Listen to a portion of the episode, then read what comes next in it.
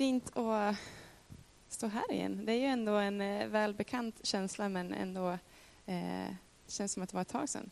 Det var ett, mer än ett halvår sedan som jag predikade sist. Eller ett helt liv sedan om man ser till Ella. Och jag känner igen den här eh, känslan av att börja med predikan efter ett långt uppehåll.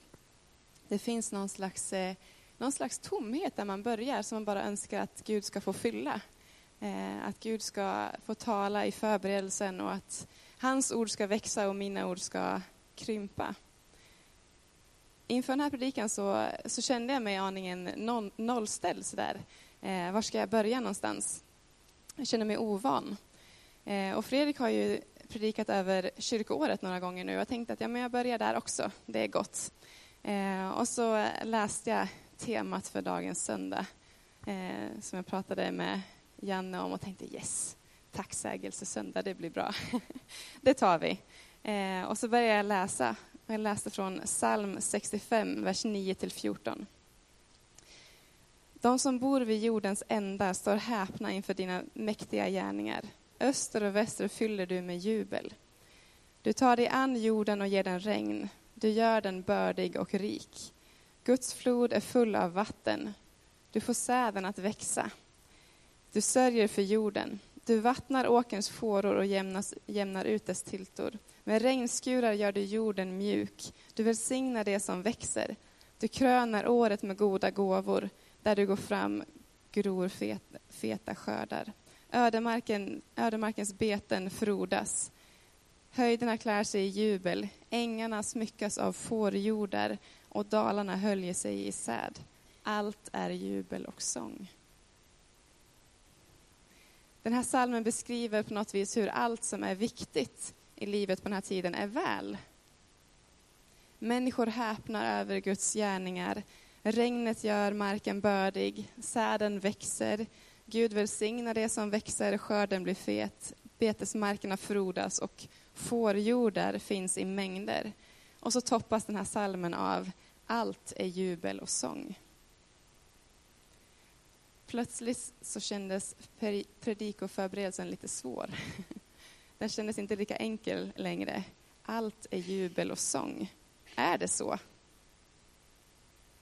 Känns livet så? De som bor i jordens ändar står häpna eh, inför dina mäktiga gärningar. Står det i salmen. Och jag tänker själv att jag skulle så gärna önska att min granne fick häpna för Guds gärningar. Jag börjar reflektera över den här texten och jag inser att på ett sätt så ligger det ganska nära till hands att raljera över den här texten. Hur ska min granne kunna häpna över Guds gärningar när jag har svårt att finna ord eller tillfälle att berätta om dem? Vadå allt är jubel och sång? Jag vet ganska mycket i mitt liv och i närståendes liv som inte skulle klassas som just jubel och sång. Men jag kan inte raljera över den här salmen och jag kan inte raljera över Guds ord. Vad menar egentligen den här salmisten när den skriver den här salmen? Hur ska jag förstå den här texten och hur ska jag läsa den? Utifrån min läsning av Gamla Testamentet så är jag ganska så säker på att Israels folk inte heller riktigt känner igen sig i att allt är jubel och sång. Psalm 65 är en lovsång, en hymn. Eh, och i den uppmanas man till lovprisning av Gud. Läser vi hela den här salmen, jag läste de sista verserna, om man läser hela salmen så ser vi att psalmisten tackar för regn, skriver om bön och löften och nämner syndabekännelse. Och utifrån de verserna så har många forskare tänkt att man i en tid av torka höll en botgudstjänst då man bekände sina synder och samtidigt bad om regn. Och i den här salmen nu så tackar man för bönesvar, att regnet har kommit. I de sista verserna som jag läste eh, tydligast i vers 10 till 14 eh, så finns huvudtemat för den här salmen. Skapelsen är ett fortgående verk. Regn i rätt tid är i enlighet med skapelsens ordning och nödvändigt för kommande skörd. På hösten så får året sin krona. Skörden blir rik där Gud går fram. Och i den här salmen ska man lite grann tänka så att där Gud går fram, då menar man ju där regnet kommer i rätt tid. Skaparen har sörjt för sin skapelse och gjort den rik på gåvor både för människor och för djur. Och därför så fylls hela landet av jubel över Guds goda gåvor. Allt är jubel och sång. Om man har läst fler texter i, i Saltaren, fler salmer, så är det ganska tydligt att eh, Eh, det finns olika typer av salmer. Det finns också hämndsalmer till exempel. Och vi får ju förstå att det här glädjeropet i den här salmen, allt är jubel och sång, att det bör läsas kontextuellt, alltså att de i det här sammanhanget upplever att allt är jubel och sång. Regnet har kommit i rätt tid och skörden blomstrar. Och visst är det väl så att vi också har upplevt stunder då allt i livet känns fantastiskt. Det har jag ett antal gånger. Jag känner igen den känslan, allt är väl. Men jag grubblar fortfarande vidare över den här tanken på allt är jubel och sång. Och tankarna leder vidare till uppmaningar om att man ska tänka positivt som vi kan möta dels i kyrkan men också på andra platser. Och så fastnar en sång i mina tankar. Är det någon av er som har sett en film som, ja, den är inte fullt så seriös, men den handlar om tiden, Jesu första tid, eller tiden när Jesus levde på jorden. Och den är skapad av brittiska humorgänget Monty Python. Den heter Life of Brian. Är det någon som känner igen den här äh, filmen? Det är några stycken. För att beskriva handlingen kort så kan man väl säga att den handlar om en man som heter Brian som föds och växer upp parallellt med Jesus. Och han engagerar sig politiskt mot romarna. Vi kan ta nästa bild. Och han får efterföljare. Och man förstår att han misstas för att vara Jesus. Man ser parallellen däremellan. Och den här filmen, ja, det, han misstas för att vara Jesus och det leder så pass långt att hans liv slutar på ett liknande sätt som Jesu liv i Jerusalem. Filmen är en komedi. Man kanske rent av kan säga att den är en parodi på bibliska filmer. Och att nämna den i en predikan kanske känns lite udda. Men jag fastnade för avslutande sången i den här filmen som heter Always look on the bright side of life. Alltså, se livet från den ljusa sidan. Och i den sista scenen i filmen, eh, som utspelar sig på Golgata, så är den här Brian då, han är korsfäst tillsammans med flera andra personer. Och där blir han uppmanad av någon annan som också korsfäst att, ja men tänk positivt. Se livet från den ljusa sidan. Sångens text handlar om att livet kan vara tufft och det kan göra dig ledsen. Det kanske rent av får dig att svära och förbanna.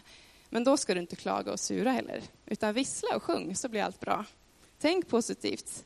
Om du visslar och är glad så kommer det hjälpa dig att, att det blir bra igen. Om livet känns genomruttet, ja men då är det för att du har glömt någonting. Du har ju glömt att le och sjunga och dansa. Gör du det så blir det jättebra. Vissla och sjung.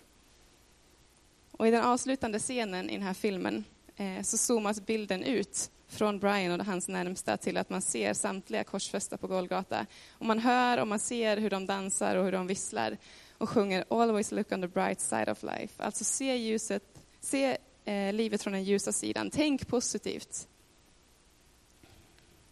Den här filmen är en komedi, den kanske rent av är en parodi över den kristna historien och det kristna livet. När jag ser den här finalscenen eh, när de korsfästa sjunger Se livet från den ljusa sidan, så kan jag inte låta bli att slås av tanken om de faktiskt sätter fingret på någonting här. Ofta är det ju så att komiker lyckas sätta fingret på eh, verkliga saker i våra liv. Och jag funderar på om det är så att det finns en kultur i kyrkan av att vi försöker undantrycka det som är tufft i livet eh, med påklistrade leenden och sång om det är så att det finns någon slags mentalitet som säger le och skratta, dansa och sjung så blir det bättre, jag lovar. Om det finns en historia av att sopa under mattan det som är jobbigt och istället leverera ett leende. Vi känner till kritik mot eh, frikyrkliga församlingar och våra sammankomster, att alla verkar vara så samlade och ha, ha ett gott liv. Livet verkar vara så bra för samtliga. Allting verkar vara perfekt. Och vi är smärtsamt medvetna om att det finns en risk att människor inte känner sig välkomna i våra gemenskaper just för att de upplever att de här människornas liv är perfekt. Och jag behöver också ett perfekt liv för att få vara en del av det. Men varifrån kommer det här? Allt är jubel och sång, säger de sista orden i psalm 65. Har vi tolkat den här texten och kanske liknande texter i Bibeln på ett sätt som får oss att tro att livet som kristna bör vara jubel och sång? Eller åtminstone uppfattas som att det är jubel och sång. Att vi måste hålla ihop livet trots att vi möter en massa tufft och har ett leende på läpparna. Handlar det om att vi sätter upp en fasad för att dölja det fula livet? Kanske till viss del. Handlar det om en naivitet som på något vis säger att om jag bara fokuserar på det goda i livet, det positiva, så kommer det bli bra. Jag har ju så mycket att vara tacksam för. Jag kan inte sura över det här eller vara besviken över det här när Jesus faktiskt har gett sitt liv för mig. Var någonstans har det gått fel för oss? Varför kan ett humorgäng göra en poäng av att sjunga en klämkäck sång om att tänka positivt när de sitter korsfästa på Golgata och fortfarande sätta ett finger på någonting i vår kultur? Den här söndagens evangelietext kommer från Lukas 19, 37-40 och den beskriver Jesu intåg i Jerusalem. När han red in i Jerusalem på åsnan så började hela skaran av lärjungar sjunga sin glädje, ljudligt prisa Gud för allt han har gjort. De kunde inte hålla tyst. Och när någon försöker tysta dem så förklarar Jesus att om inte de ropar ut lov till Gud, då kommer stenarna att göra det. Även den här texten talar om lovsång till Gud, talar om lovprisning av Gud. En lovsång om, som upphöjer Gud för vad han har gjort. Och här, just i den här texten så ser vi inga spår av att lärjungarna försöker sopa någonting under mattan och överskyla det med leenden och goda, fina ord om Gud. Situationen beskrivs med en känsla av att de kan bara inte hålla tyst. De kan inte låta bli. I sin glädje så bara måste de ropa, ropa ut vem Gud är och vad han har gjort. Och i texten så låter Jesus fariseerna förstå att även om de skulle hålla tyst så skulle stenarna ropa. Inget kan hindra lovsången till Gud. Lovsång handlar om upphöjelsen av Gud. Det handlar om att ge Gud den plats som är hans. Att ge honom hans rättmätiga ära. Lovsången och tacksägelsen är inte beroende av våra känslor och våra sinnesstämningar. Den är beroende av vem Gud är. Den är inte tänkt, lovsången och tacksägelsen är inte tänkt att den ska vara en förnekelse av någonting som är tufft och jobbigt i livet. Den är tänkt att den ska vara en proklamation över vem Gud är. Lovsång och gudsbild hör ihop. Berättelsen om Paulus och Silas som sjöng lovsång i fängelsecellen är en söndagsskoleklassiker. Den kommer från Apostlagärningarna 16, vers 16 och framåt. Och ibland så kan det kännas som att söndagsskoleklassiker blir lite snälla, söta och gulliga. Men det är inget snällt, sött och gulligt över den här texten. Paulus och Silas anklagas för att störa lugnet i staden Filippi med det de vill berätta. Folket vänder sig mot dem och de ställs inför domare som slutligen sliter kläderna av dem och befaller att de ska pryglas. Och det står att de fick många rapp. Därefter sätts de i fängelse och längst in dessutom, längst in i fängelsehålan och de låser, de låser fast deras ben i stocken. Det står ingenting om hur länge de kan tänka sitta där. Paulus och Silas har förmodligen ingen uppfattning om hur länge de kan bli kvar där. De har utan, anledning, utan god anledning fått folket emot sig, blivit pryglade med många rapp, förda längst in i fängelset, fastlåsta i stocken och förmodligen utan en vetskap om hur länge de blir kvar där. Det är inte riktigt det läget om man vill höra någon säga tänk positivt. Eller dansa och le lite grann så blir det bättre. Men där inne, längst in i fängelset, fastlåsta, så håller de bön och sjunger lovsånger till Gud. Och jag har svårt att tro att de gör det för att de kände för det.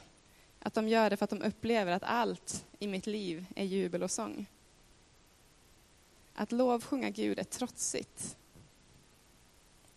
Hela världen och allt som sker i världen, eller det som sker i våra liv, det stannar inte upp för att vi lovsjunger, utan vi får lovsjunga mitt i livet, mitt i allt som sker. I mitt liv och i världen, gott som ont, mitt i allt det får jag sjunga lovsång. Lovsången till Gud trotsar det som är hopplöst, det som är diskriminerande och det som är orättvist. Och vår lovsång är inte beroende av vår sinnesstämning, den är beroende av Gud. Lovsången bygger på vår gudsbild. Om vår gudsbild förändras beroende på vår sinnesstämning så får vi fundera lite grann över vad bygger min gudsbild på? Vad är den uppbyggd av? Vad är källan till min gudsbild? Kommer det ur mig och mina tankar eller kommer det ur Bibeln och uppenbarelse av Gud? Evangelietexten förklarar att om lärjungarna inte lovprisar Gud så kommer stenarna att göra det. Lovprisningen är konstant. Den är inte beroende av humör eller beroende av vad jag möter i livet. Gud är densamme igår och idag och i evighet. Och vår Gud är inte en Gud som låter onda saker ske och titta på. Han är inte heller någon Gud som blundar när någonting tufft möter oss i livet. Utan vår Gud är en Gud som går med oss genom det tuffa som sker. Och den här bilden av vår Gud som går med oss blir som tydligast på Golgata, på korset. När jag säger att vi bör fundera på vad vår gudsbild är uppbyggd av om den förändras på grund av sinnesstämning så menar jag inte att det är kris och panik om vi upplever att vår gudsbild någon gång förändras. Självklart kan det vara så att vår gudsbild förändras genom livet utan att för den skull att den har varit felaktig innan. För Gud är så stor och så allomfattande, så mångfacetterad att det är svårt att greppa hans fullhet, det är omöjligt. Kanske ska vi tala om att vår gudsbild förmeras snarare än att den förändras. Vår gudsbild förmeras genom livet. Jag tror definitivt att olika sidor hos Gud och olika egenskaper hos Gud kan bli olika tydliga för oss genom olika perioder och sammanhang i våra liv. Det är samma Gud vi erfar, men han visar sig på olika sätt och vi ser olika saker hos honom. Han vet hur han kan göra sig synlig för oss, hur han kan möta oss på bästa sätt, vad som är mest relevant just då. Det är samma Gud, men det är en mångfacetterad Gud. I en period kanske Guds helighet är det som präglar vår gudsbild på grund av omständigheter. En annan period kanske det är Guds översvallande nåd som är som tydligast. I en annan period kanske vi upplever Gud som den befriande guden och att vi upplever att vi blir utmanade att delta i det här, i hans befriande verk. Jag tror att många som har fått uthärda svårigheter och besvikelse eller kris i livet ställer frågor som är Gud verkligen god? Eller var är Gud nu? Eller är verkligen allt möjligt för Gud? Och jag tror att det är gott att ställa de här frågorna till Gud, för jag tror att Gud står pall för det. Vi får ifrågasätta Gud. Och det är inte kris och panik om vår gudsbild förändras eller förmeras. Gud är densamme igår och idag och i evighet och han är den levande guden som går med oss genom allt. Vi kan erfara honom på olika sätt och han kan bli tydlig för oss på olika sätt genom livet. Han vet var och hur och när han bäst möter oss. Uppmaningen till oss är inte att vi ska blunda för det tuffa vi möter eller det vi går igenom och istället sjunga lovsång. Det är inte meningen att vi ska sopa någonting under mattan och klistra på ett leende. Uppmuntran till oss är att Gud håller och han är densamme. Lovsången till honom är konstant och beroende av honom, inte av oss. Vi kan upphöja Gud och vi kan känna tacksamhet till honom mitt i det jobbiga, mitt i skiten, utan att det blir motsägelsefullt. Vår lovsång och tacksägelse till Gud säger någonting om vem han är. Att mitt i, mitt i skiten, mitt i livet uttrycka tacksamhet och lovprisning till Gud är inte motsägelsefullt, det är trotsigt. Dagens episteltext kommer från Kolosserbrevet 3, 16-17. Och jag läser den för er. Låt Kristi ord bo hos er i hela sin rikedom och med all sin vishet. Lär och vägled varandra med salmer, hymner och andlig sång i kraft av nåden och sjung Guds lov i era hjärtan. Låt allt vad ni gör i ord och handling ske i Herren Jesu namn och tacka Gud Fadern i honom. Låt Kristi ord bo hos er. Kristi ord påminner oss om vem Gud är. Det ger oss en sann gudsbild. Det ger oss anledning att lovprisa Gud, att sjunga Guds lov i våra hjärtan. Självklart är det så att sinnesstämning spelar in för oss hur enkelt eller svårt det känns att lovsjunga. Till exempel, jag menar till exempel sjunga eh, en sång till Gud, eller att be, eller att uttrycka sig om Gud. Ibland får vi utmana oss själva att sjunga, be eller uttrycka tacksamhet till Gud trots det vi känner, trots det vi möter. Men ibland får vi inse att mina tankar, mina suckar, min vetskap om vem Gud är, det är lovsång. Att sjunga Guds lov i våra hjärtan kan innebära att krampaktigt hålla fast vid Bibelns löften om vem Gud är, mitt i livet när man kämpar för att hålla sig ovanför ytan. I den engelska parafrasen The Message, som vill göra texten lite mer lättillgänglig, så uppmanas vi i de här texterna från Kolosserbrevet att odla tacksamhet. Och jag tänker att tacksamhet kommer av förståelsen av någontings värde. I takt med att vi förstår vad Gud har för oss så ökar också vår tacksamhet. Om du känner att du i din livssituation inte har utrymme för tacksamhet eller lovprisning av Gud så är min bön att du ska få lära känna Gud närmre. Att din gudsbild ska få förnyas, förstoras och försannas, om man nu kan säga så. Och du behöver inte finna orden för att lovprisa Gud. Varken du eller Gud är beroende av ord. Vetskapen om vem Gud är, vetskapen om hans nåd och sanning, eh, vetskapen om att han aldrig någonsin lämnar din sida, vetskapen om att segern är hans och att hoppet aldrig sviker, det är lovprisning av Gud. Vetskapen om detta. I min förberedelse så fastnade jag också för psalm 98. Och jag läser några verser ur den. Sjung till Herrens ära, sjung en ny sång, ty han har gjort underbara ting. Han vann seger med sin starka hand, med sin heliga arm. Herren har visat att han räddar, folken fick skåda hans seger.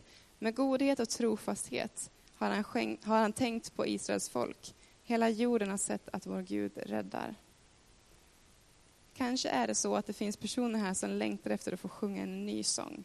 Att ge, efter perioder av svårigheter eller rent av kanske från, en känsla av frånvaro av Gud, så finns det behov av att få sjunga en ny sång till Gud.